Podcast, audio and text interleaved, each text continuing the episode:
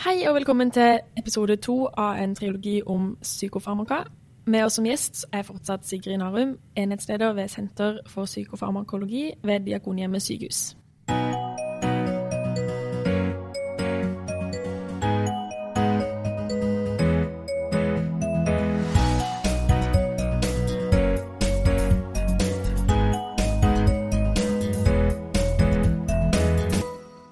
Denne episodens tema er antidepressive legemidler, den andre store hovedgruppa blant psykofarmaka.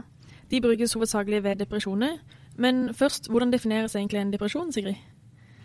Ja, altså eh, Definisjonen av eh, depresjon har endret seg eh, over tid. Eh, men hvis vi skal ta på en måte, kjernesymptomene, da, det kan vi si. Eh, Ja. Det er eh, tre kjernesymptomer som er nedtrykthet, redusert gledeinteresse og redusert energi. Og så kan man ha, ha en god del forskjellige tilleggssymptomer. Eh, og det, som ofte er vanlig, er jo søvnforstyrrelser. Eh, vanlig nedsatt matlyst. Eh, tap av selvtillit, tror ikke på seg selv. Mm. noen kan også få agi- agitasjon, altså man får en sånn uro. Selvmordstanker det er jo selvfølgelig en problemstilling som man da vil spørre etter. Og så skal dette ha vart en viss tid. og så skal det ikke ha måte andre årsaker, sånn som rusmiddelbruk eh, eller på en, måte en del organisk lidelse. Eh, ja. Ja. ja. Eh, Depresjon kan jo ligne mye annet. Hva er det viktig å utelukke før man stadfester diagnosen og begynner på eventuell behandling? Man bør jo ta en del blodprøver, da. Man bør sørge for å, å sjekke at det ikke skyldes f.eks. en hypotyreose. Det kan jo gi mange av de samme symptomene. Ikke sant? Treghet og initiativløshet og, og sånn. Anemi også. Eh, slett ikke helt uvanlig hos kvinner, unge kvinner dette her. Med at man ikke orker så mye som man uh, gjorde før. Ja. Man kan få menopausale uh, bivirkninger. Ja. Er bipolar lidelse noe som er viktig å utelukke? Ja, det, altså, man må jo forstå Man gjør jo det. Eh, de vil jo gjerne ha en historie med å bruk av uh, Hatt måte flere depressive episoder tidligere, har brukt legemidler. Og, og når du da skal utelukke bipolar lidelser, så bør du også på en måte utelukke at ikke symptomer på da irritasjon, aggresjon uh, og, og sånne ting, at ikke det er en bivirkning av uh, tidligere legemiddelbehandling. altså. Så du må skille mellom om du tror det er en legemiddeleffekt, eller om måte det kan være en bipolar lidelse. Og så selvfølgelig, da. Suicidalitet. Det er jo å spørre om det. eh, Følge opp det. Det er alltid viktig. Ja. Depresjoner kan jo deles inn i ulike alvorlighetsgrad, bl.a. ut fra scoren i MADRES. Vi har lært at antidepressive først og fremst brukes ved moderate og alvorlige depresjoner. Hvordan behandles de milde, med MADRES under 20 f.eks.? Nå er jo eh, depresjoner? Det er ikke en sånn ja-nei, depresjon ja-nei, som dere sier. Det deles inn i Det, det scores jo på sånne Maders- eller Hamilton-skalaer. Så får du eh, så og så mange punkter. Og da er det sånn at eh, både de lettere psykisk, altså de, lettere depresjonene de, går jo ofte over av seg selv. Og, og det å på en måte ha en god og støttende lege som forstår dette, eh, kanskje er det ganske situasjonsbetinget også. Sant? Kanskje er det ikke så greit hjemme. Kjæresten har slått opp, strøk på eksamen. Det fins jo arbeidsplasser som er eh, farlige å jobbe på. Det fins jo mobbing på arbeidsplassen, og, og ofte dette kan jo øh, påvirke, selvfølgelig. Sånn at som en øh, fastlege øh, så vil det jo være viktig, da, og andre leger også, ikke sant, si at dette her har en naturlig forklaring. Eh, Dette her er situasjonsbestemt. Eh, Og så det å prate om det kan jo ofte gjøre at da blir jo problemene mindre. Så man har kanskje da litt samtalebehandling, enten støttesamtaler, psykoterapi eller andre teknikker. Og så kanskje man kan se på, ja, som du sa med yrket, da, noe sykemelding kanskje, og fysisk aktivitet, også vil jeg tro bidra litt. Ja, hvis man skal se på de studiene på en måte, som er gjort på måte, hva virker ved depresjoner, Ja. så må vi ikke glemme fysisk aktivitet. Altså, det har ø, god effekt. Mm. Og klart, hvis man jobber i et ø, miljø som er destruktivt, så er det vel ikke spesielt fornuftig å mm, starte med antidepressive legemidler som man skal holde ut der. Så det er klart, hvis det er noe eh, i måte, sosiale settinger måte som, som eh, utløser sånn sett depresjon, så, så vil det jo, bør jo en lege diskutere eh, om, om eh, er, er det lurt å fortsette å jobbe der. Mm. Ja. Så vi begynner med ikke-medikamentelle tiltak der? Ikke-medikamentelle tiltak er, begynner vel der, og det skal man jo selvfølgelig ha også med de litt mer moderate depresjonene og de alvorlige depresjonene også. Absolutt. Ikke sant? Dette skal jo, Vi snakker jo om den biopsykososiale modellen. ikke sant? Kommer ikke utenom kommer ikke unna den, altså. Så liksom det å spise sunt og det å ikke røyke og det å mosjonere, det høres jo veldig manalt ut, men altså veldig mange tilstander, lidelser, sykdommer, så er det jo liksom Det enkle er det beste, altså. Mm. Og så kommer av gjerne legemidler på toppen. Så hvis jeg har forstått det riktig, så krever diagnosen depresjon en følelse av nedtrykthet, redusert glede og redusert energi som har vart lenger enn to uker. I tillegg må man utelukke somatisk sykdom som anemi og hypotyreose, og kartlegge suicidrisiko. En mild depresjon med madres under 20 behandles bare med psykoterapi. En moderat depresjon har like god effekt av psykoterapi og medikamenter, mens en alvorlig depresjon skal behandles medikamentelt med antidepressive legemidler, i tillegg til psykoterapi. da. Eh, men som farmakologipodkast må vi snakke litt om de antidepressive legemidlene. Hvilke er de viktigste som brukes? Ja, hvis klart vi skal snakke om legemidler i en eh, farmakologipodkast. Og vi kan starte, da, vi kan starte med SSRI-en. ikke sant? De er eh, toneangivende. Det er førstevalget. Eh, Så når det er behov for antidepressive legemidler, så er det som regel SSRI-er man starter opp. Nå, nå, nå har vi snakket om depresjon, men vi må ikke glemme at antidepressive legemidler også brukes for andre lidelser. Det brukes også for å dempe angst. Ja. Man bruker det mot uh, smerter. Det brukes ved søvn. Eh, så, så, så, så disse kan komme til å brukes på, på, på bredt antall lidelser. Og, og, og vi har disse da SSRI-ene, som da betyr altså selektive serotonin-reopptakshemmere. Altså i synapsespalten så frigjøres serotonin, som binder seg til da serotoninreseptoren. Og det disse legemidlene gjør, er at dette serotoniner i synapsespalten, det da en del av det blir tatt opp igjen, liksom reabsorbert da på den presynaptiske terminalen. Og det er det reopptaket der som eh, SSRI-ene hemmer. Så sånn resultatet blir jo da at du har serotonin lenger i synapsespalten. Mm. Så det er liksom den mekanistiske, eh, det som skjer. Og så har vi jo hjernen, da, selvfølgelig. Og så har vi resten av kroppen, for de sirkulerer i resten av kroppen. Og så er serotoninet, hvor mesteparten av serotoninet, hvor er mesteparten av serotonin i kroppen? Det er i tarmen. ikke sant? Og så serotonin i platene. Og så har man også serotonin i reseptorer i hjertet. Uh, og mye av dette kan da forklare uh, også bivirkningene. Mage-tarmplager, kvalme, oppkast, ikke sant. er uh, bivirkninger av ja, disse midlene her. Mm. Og så, og så, sant, så er hjernen vi ønsker effekt. Nervecellene har måte kontakt med nabonervecellene, ikke sant. Uh, uh, man får altså på en måte økt serotonin, Uh, så er jo da det er til engangsbruk, togangsbruk. Eh, hvis man begynner å trekke inn begrepet homeostase, så kroppen prøver liksom å komme tilbake til normaltilstand, sånn som det var før. Mm. Sånn at det at man får da opp- og nedreguleringer av reseptorer, ikke sant? at man da skiller ut mindre serotonin Mm. eh, som et resultat av disse legemiddelbruken, det eh, finner man etter hvert dokumentasjon på at det skjer.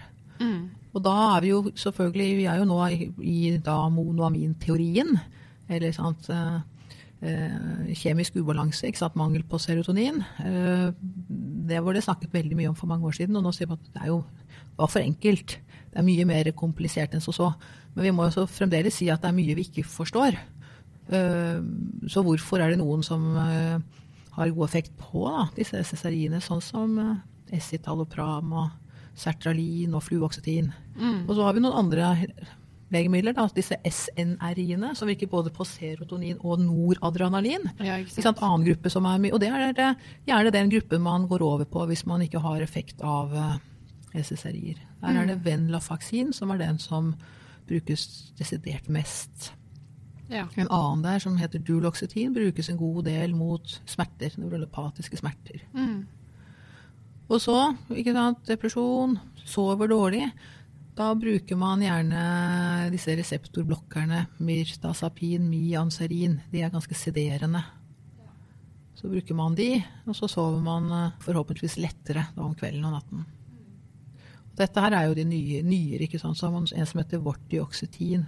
Da bruker vi begrepet multimodal, for den virker på flere reseptorer igjen. Den er mer lik de gamle trisykliske antidepressive, legemidlene, legemidlene, som, som virker på mange flere reseptorer. Bredere virkningsmekanisme enn disse nyere. Uh, og, og de er virkningsfulle, de virker.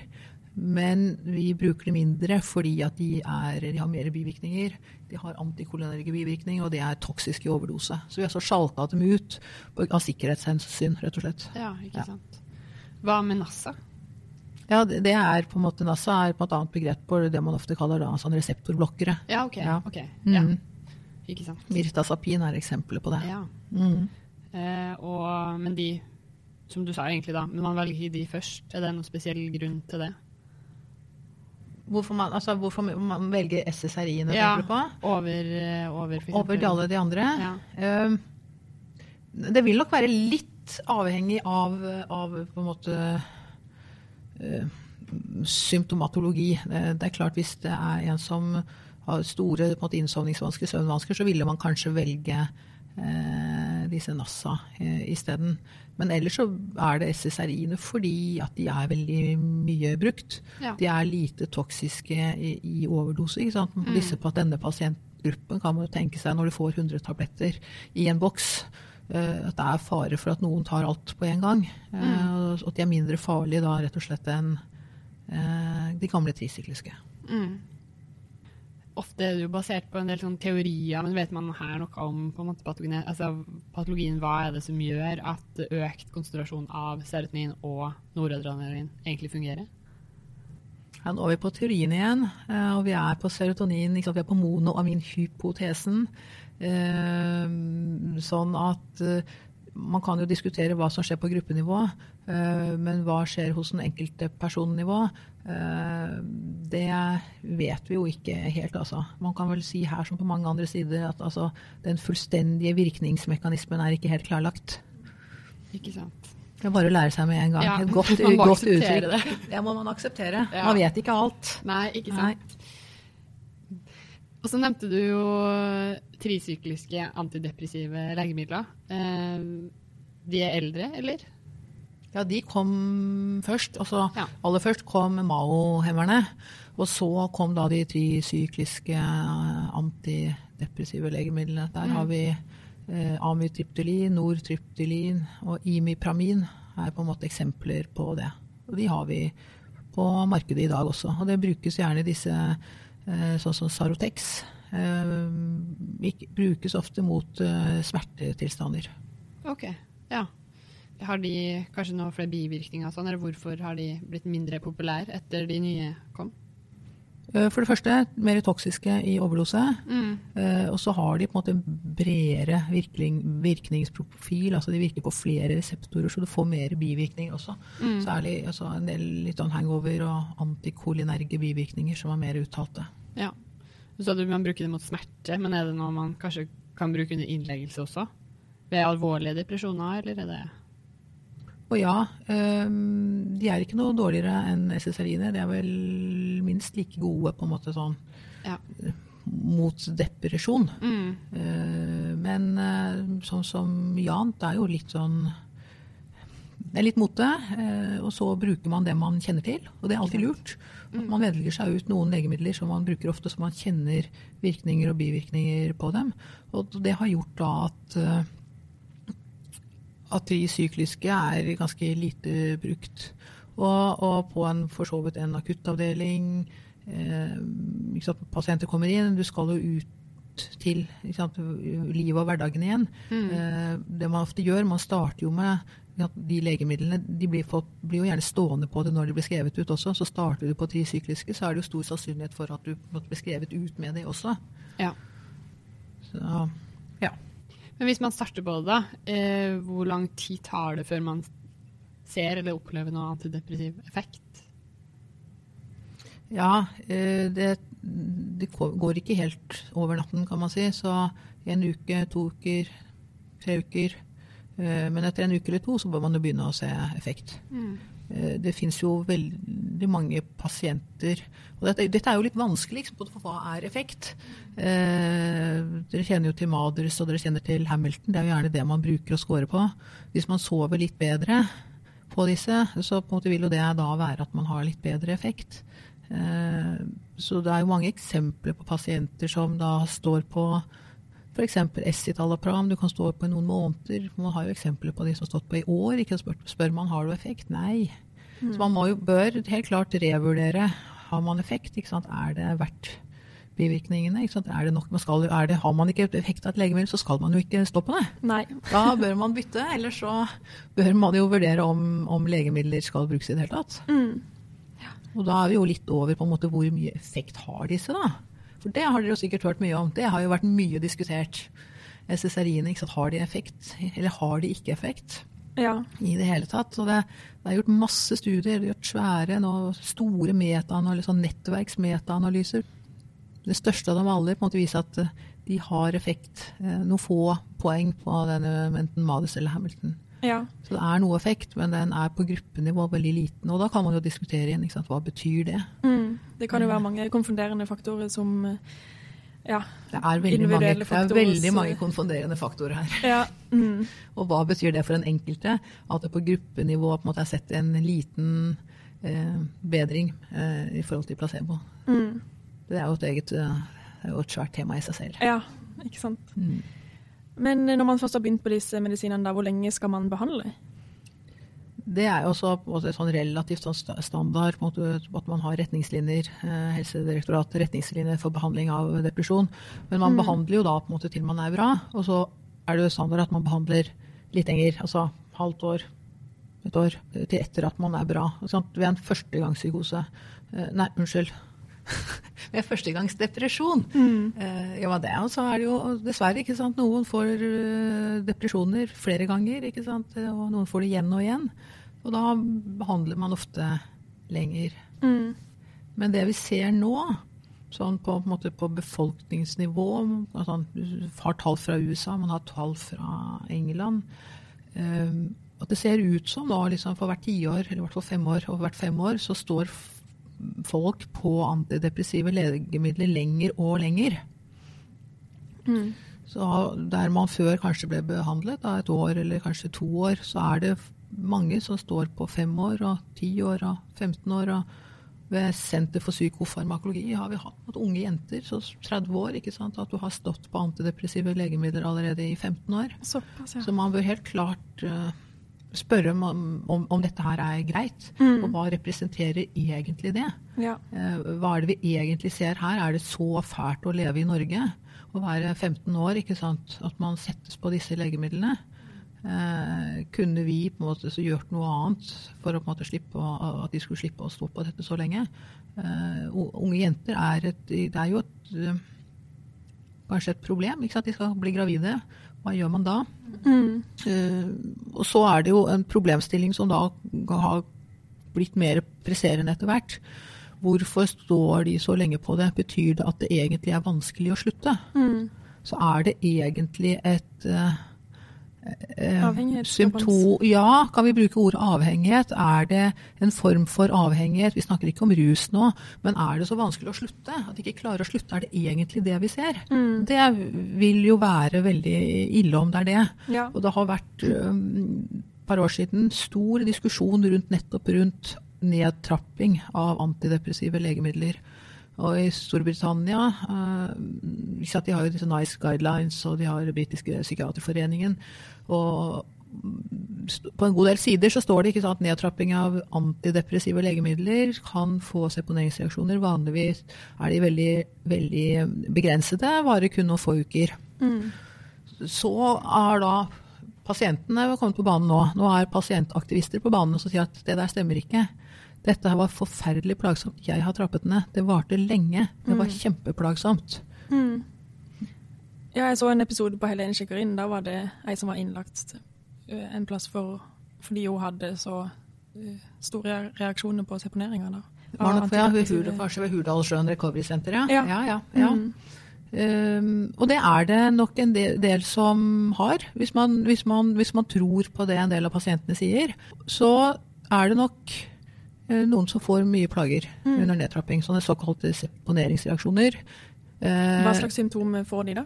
Det kan være til forveksling lik akkurat det samme du ser ved nedtrapping av benzo.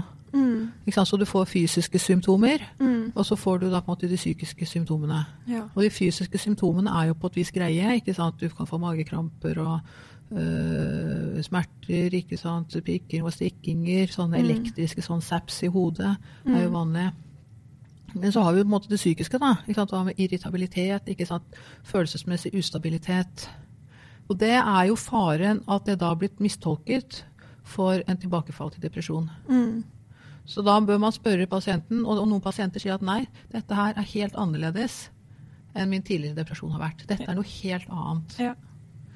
Uh, og jeg tror at det må, det må vi tolke på. Ikke sant? Dette, kroppen er tilpasset. Ikke sant? Kroppen har opp- og nedregulerte reseptorer. Eh, ikke sant? Dette er resultatet av det man har brukt over lang tid. Mm. Hvis man mistenker en sånn seponeringsreaksjon, da øker man dosen litt igjen? Ja, altså på en måte, det? på en måte det- det man nå på en måte anbefaler da ved, ved, ved nedtrapping, er at man bør trappe ned såpass langsomt, sånn at man skal slippe den typen eh, seponeringsreaksjoner. Ja. Eh, Det det i praksis betyr, er at du har ikke nok doser, du har ikke nok tablettstyrker å spille på, egentlig.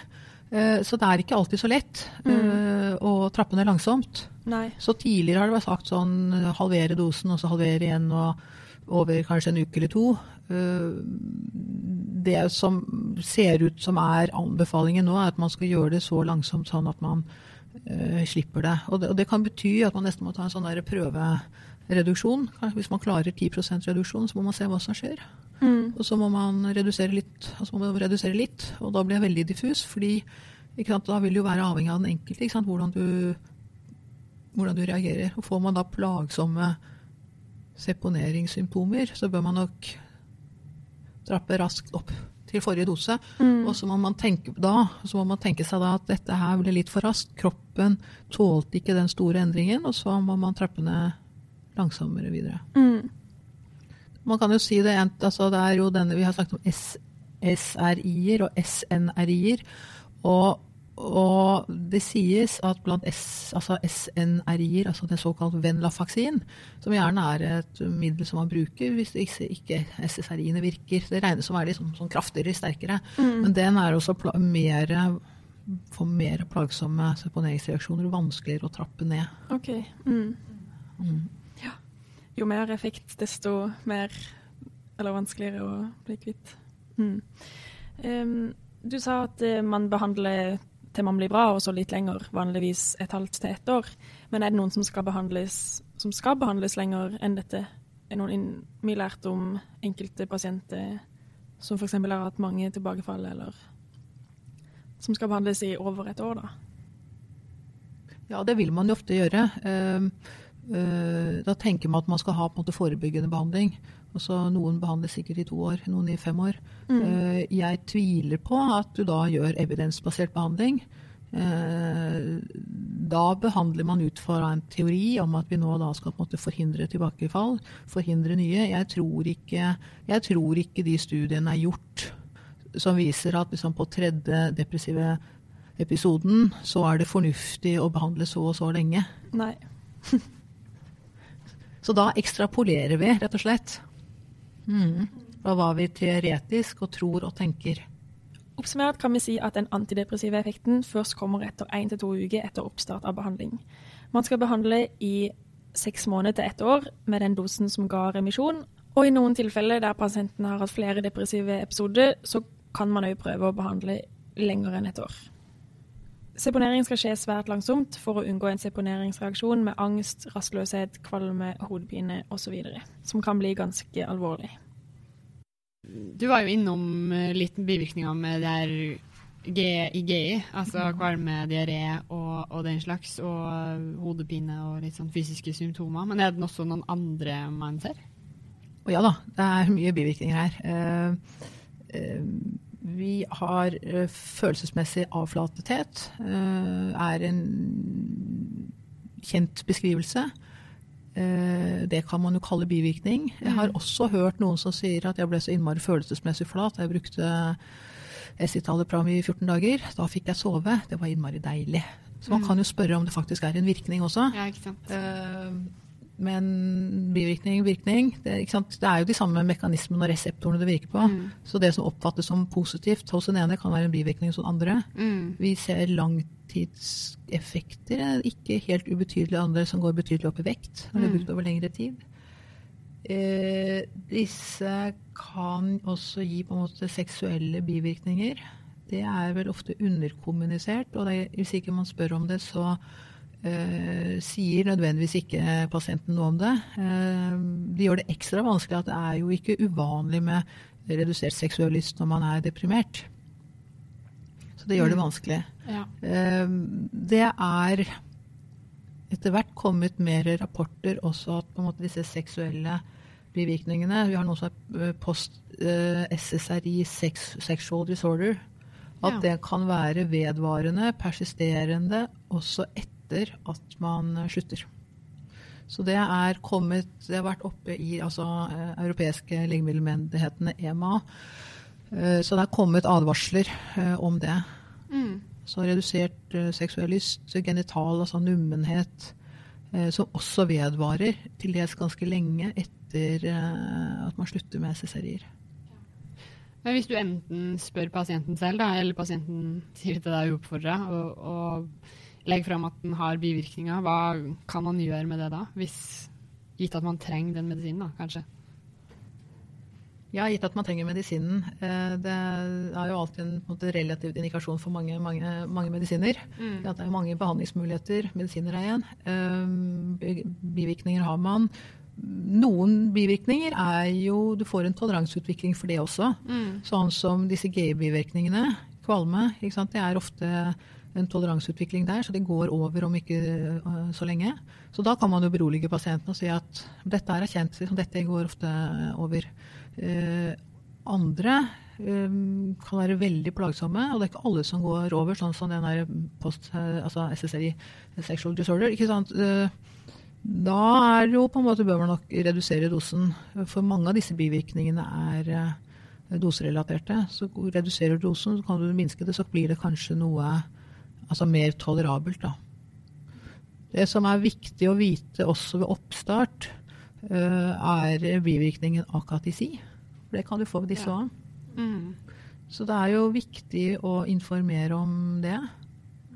Og, og kanskje også på en måte pårørende. Jeg, jeg, folk forteller ikke at de starter så hvis ting blir plutselig ble det mye, mye verre, mm. så er det ikke sikkert at det var depresjon som ble forverret. Det kan være en akatisi som en bivirkning. Ja, ikke sant. Så informasjon, da, er jo egentlig Informasjon er viktig. Økt suicidalitet som bivirkning. Mm. Oppstartsfasen er jo også beskrevet, da. Mm. Særlig barn og ungdom. Uh, mm. Ikke sant. Eh, serotonerg syndrom har vi også hørt som en kanskje litt sjeldnere bivirkning. Da. Hva er egentlig det? Det er serotonerg overaktivitet blant toksidromene. ikke sant? Vi har snakket om malignt nevraleptika-syndrom, som er en sånn idiosykratisk reaksjon. Serotonergesyndromet derimot, det er en doserelatert eh, toksisk effekt. Mm. Eh, du ser det sjelden på ett SSRI alene. Du ser det som regel ved kombinasjonsbehandling. Og tramadol er i så fall verstingen. Ja. Tramadol har serotonerge effekter. Så mm, hvis du ser meldinger til Relis, eh, bivirkningsmeldinger, så er jo tramadol veldig ofte eh, involvert. Da pluss da en SSRI. Um, og, det er, det, og, det som er litt vanskelig, er at vi, når vi snakker om legemidler, så snakker vi om bare liksom om virkningsmekanisme, hvilke reseptorer vi har. Men som jeg har sagt tidligere, veldig mange legemidler er jo mindre selektive eh, enn det vi liker å tenke på. Eh, og det har ofte også noe med dose å gjøre. Så jo høyere du doserer, desto mindre selektivitet blir det. Da treffer du andre reseptorer. Og det betyr altså at litium har også en serotonergeffekt. Eh, og opioider har også serotonergeffekter. Mm. Så det er en sånn kumulativ dose. Og dette her eh, ser du jo ikke sant da med, med er hyperrefleksi og, og ja, smert, smerte, nei, sve- ja, svette og muskelstivhet, diaré, skjelvinger Mm, er det du ser. Ja. Og, og som alle disse toksidromene, så vil du se, du vil jo se på en måte symptomer fra forskjellige organsystemer som man kanskje ikke tenker helt på, som er intuitive og logiske. Så dette er også noe du må ha i bakhodet og huske på, og så må man da tenke at da må vi droppe den dosen, da. ja. Er det noen sånne spesielle ting da, du tenker man skal være litt obs på? Ja, det er hyperrefleksin er, eh, ja, det, er det, viktigste her. Mm. Hvis man mistenker serotonert hos en pasient, da, går det over av seg sjøl hvis man stopper medikamentet, eller må noen innlegges på sykehus? Ja, begge deler. Mm. Ja, det kan være farlig. Mm. Ikke sant? Og du får på en måte både kroppslige eh, symptomer, og du kan på en måte få sentralnervøse symptomer. Eh, det som gjør det vanskelig, ikke sant? du har fra mange forskjellige organsystemer. Mm. Så du, får, ikke sant? du kan få uro, forvirring. Ikke sant? Pasienten Mm. er ikke seg selv. Eh, og så er jeg også kjent med da, autonome og nevromuskulære på en måte, bivirkninger. Eh, alle disse skjelvingene kan jo også måte gi feber, eh, Mm. kramper. Sånn at eh, noen skal inn på sykehus. Eh, her, også her vil jo være på en måte allmenntilstanden og symptomer som eh, eh, vil eh, avgjøre hvilke tiltak som må gjøres. Ja. Mm. Er det noen andre sjeldne bivirkninger vi bør kjenne til for antidepressive legemidler? Ja, altså mange legemidler har veldig mange altså sjeldne legemidler også. Og her er eh, antidepressive legemidler har også en del av de samme bivirkningene som antipsykotiske legemidler. Så her Mm. kan du også få ekstrapyramidale bivirkninger av disse.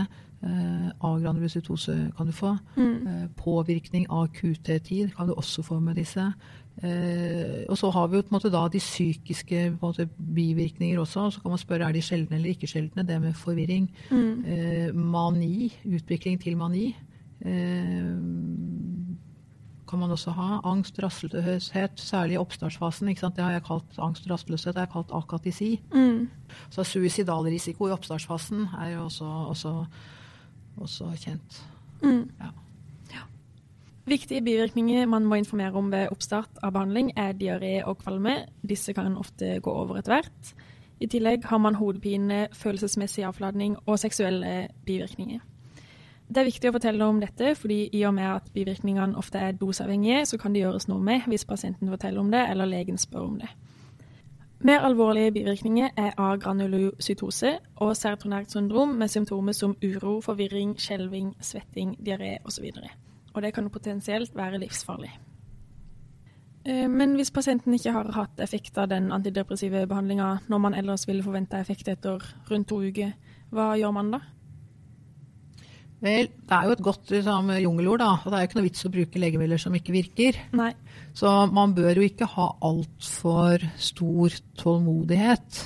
Eh, etter ja, én til to uker sier man, man det man i praksis gjør, man prøver vel ofte å øke dosen.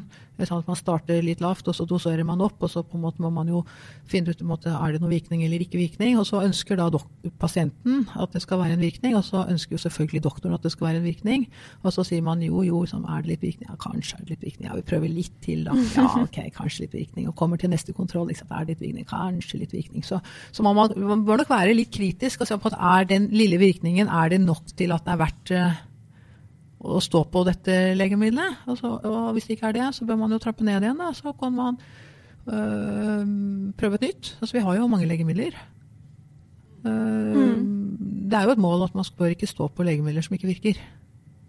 Det bør man ikke. Nei. Nei, man bør ikke det. Da må man skifte. Ja. Ja. Går det an å kombinere to forskjellige? Ja da, det gjøres jo ofte det. Ja. Men, men det er lett å komme over i sånn type polifarmasi. at man glemmer hva man gjør, og man vet ikke hva man gjør, og så får man interaksjoner. Ja. Så hvis man kan klare seg med ett legemiddel, så vil det være å foretrekke. Mm. Og det er jo ikke noe mer bedre dokumentasjon på to legemidler enn ett. Nei. Så vi på en måte baserer oss, altså da beveger vi oss på vei ut av evidensbaserte medisinen. Jo mer vi kombinerer, jo mer vi lesser på legemidler. Ja. Ja. Når er det man skal henvise en depressiv pasient til spesialisthelsetjenesten? Der er jeg litt usikker på om det er noe hva retningslinjene sier, men hvis du sitter i allmennpraksis og du har øh, startet opp med en eller annen på en måte, behandling, og du måtte, øh, hvis du ikke pasienten har ønsket effekt, og du har kommet utover ditt måte, kompetanseområde, så bør man jo enten konferere med spesialisthelsetjenesten eller henvise. Ja. Og hvis pasienten f.eks. da blir dårligere til tross for behandling, så bør man jo kanskje henvise da, for å få revurdert også, Ja. også diagnosen. Mm.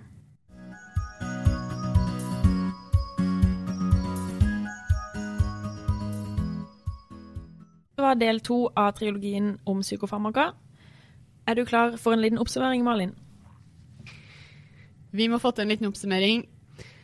En depresjon kjennetegnes av tre kjernesymptomer, og det er nedtrykthet, redusert glede eller interesse og redusert energi, og det skal da ha vart i mer enn to uker. Mild depresjon ved Madres under 20 behandles med psykoterapi, fysisk aktivitet og yrkesretta tiltak. Ved medikamentell behandling er SSRI førstevalget. SSRI hemmer reopptak av serotonin i presynaptisk nevron, som så vil føre til en kompensatorisk økt produksjon av serotonin etter én til to uker, og vil da gi en antidepressiv effekt. SNRI hemmer reopptak av både serotonin og noradrenalin og brukes hvis SSRI ikke har god nok effekt. NASA er de eneste antagonistene, og de hemmer at noradrenalin og serotonin bindes til sine reseptorer. De har spesifikke bivirkninger med vektøkning og sedasjon, og kan brukes med fordel når pasienten har søvnforstyrrelser i tillegg. Trisykliske antidepressiva er gamle preparater og brukes lite i dag pga. veldig mange bivirkninger, både psykiske, kardiovaskulære og antikolinerge. Indikasjonen for bruk av de her er alvorlig depresjon, eh, og da hjernebehandling inne på sykehus, eller f.eks. ved smerter. Man behandler til remisjon og litt til i ca. seks måneder til et år. Hvis ikke effekt Ved manglende effekt øker man dosen, eller eventuelt prøver å bytte preparat. Før diagnosen settes, må før diagnosen settes, må somatisk sykdom og bipolar lidelse utelukkes, og suicidrisiko må kartlegges. Husk å seponere langsomt for å unngå seponeringsreaksjon. De viktigste bivirkningene pasienten må informeres om, er diaré, hodepine, seksuell dysfunksjon og følelsesmessig avflating, i tillegg til vektøkning, søvnighet I tillegg til vektøkning og søvnighet ved NASA. Alvorlige bivirkninger er serotonergt syndrom og agranulocytose. Takk igjen for at du ville komme og lære oss om dette temaet, Sigrid. Og tusen takk til deg som hørte på. Hvis du har noen spørsmål, send oss en mail eller send oss en melding på sosiale medier. Vi høres igjen. Ha det bra. Ha det!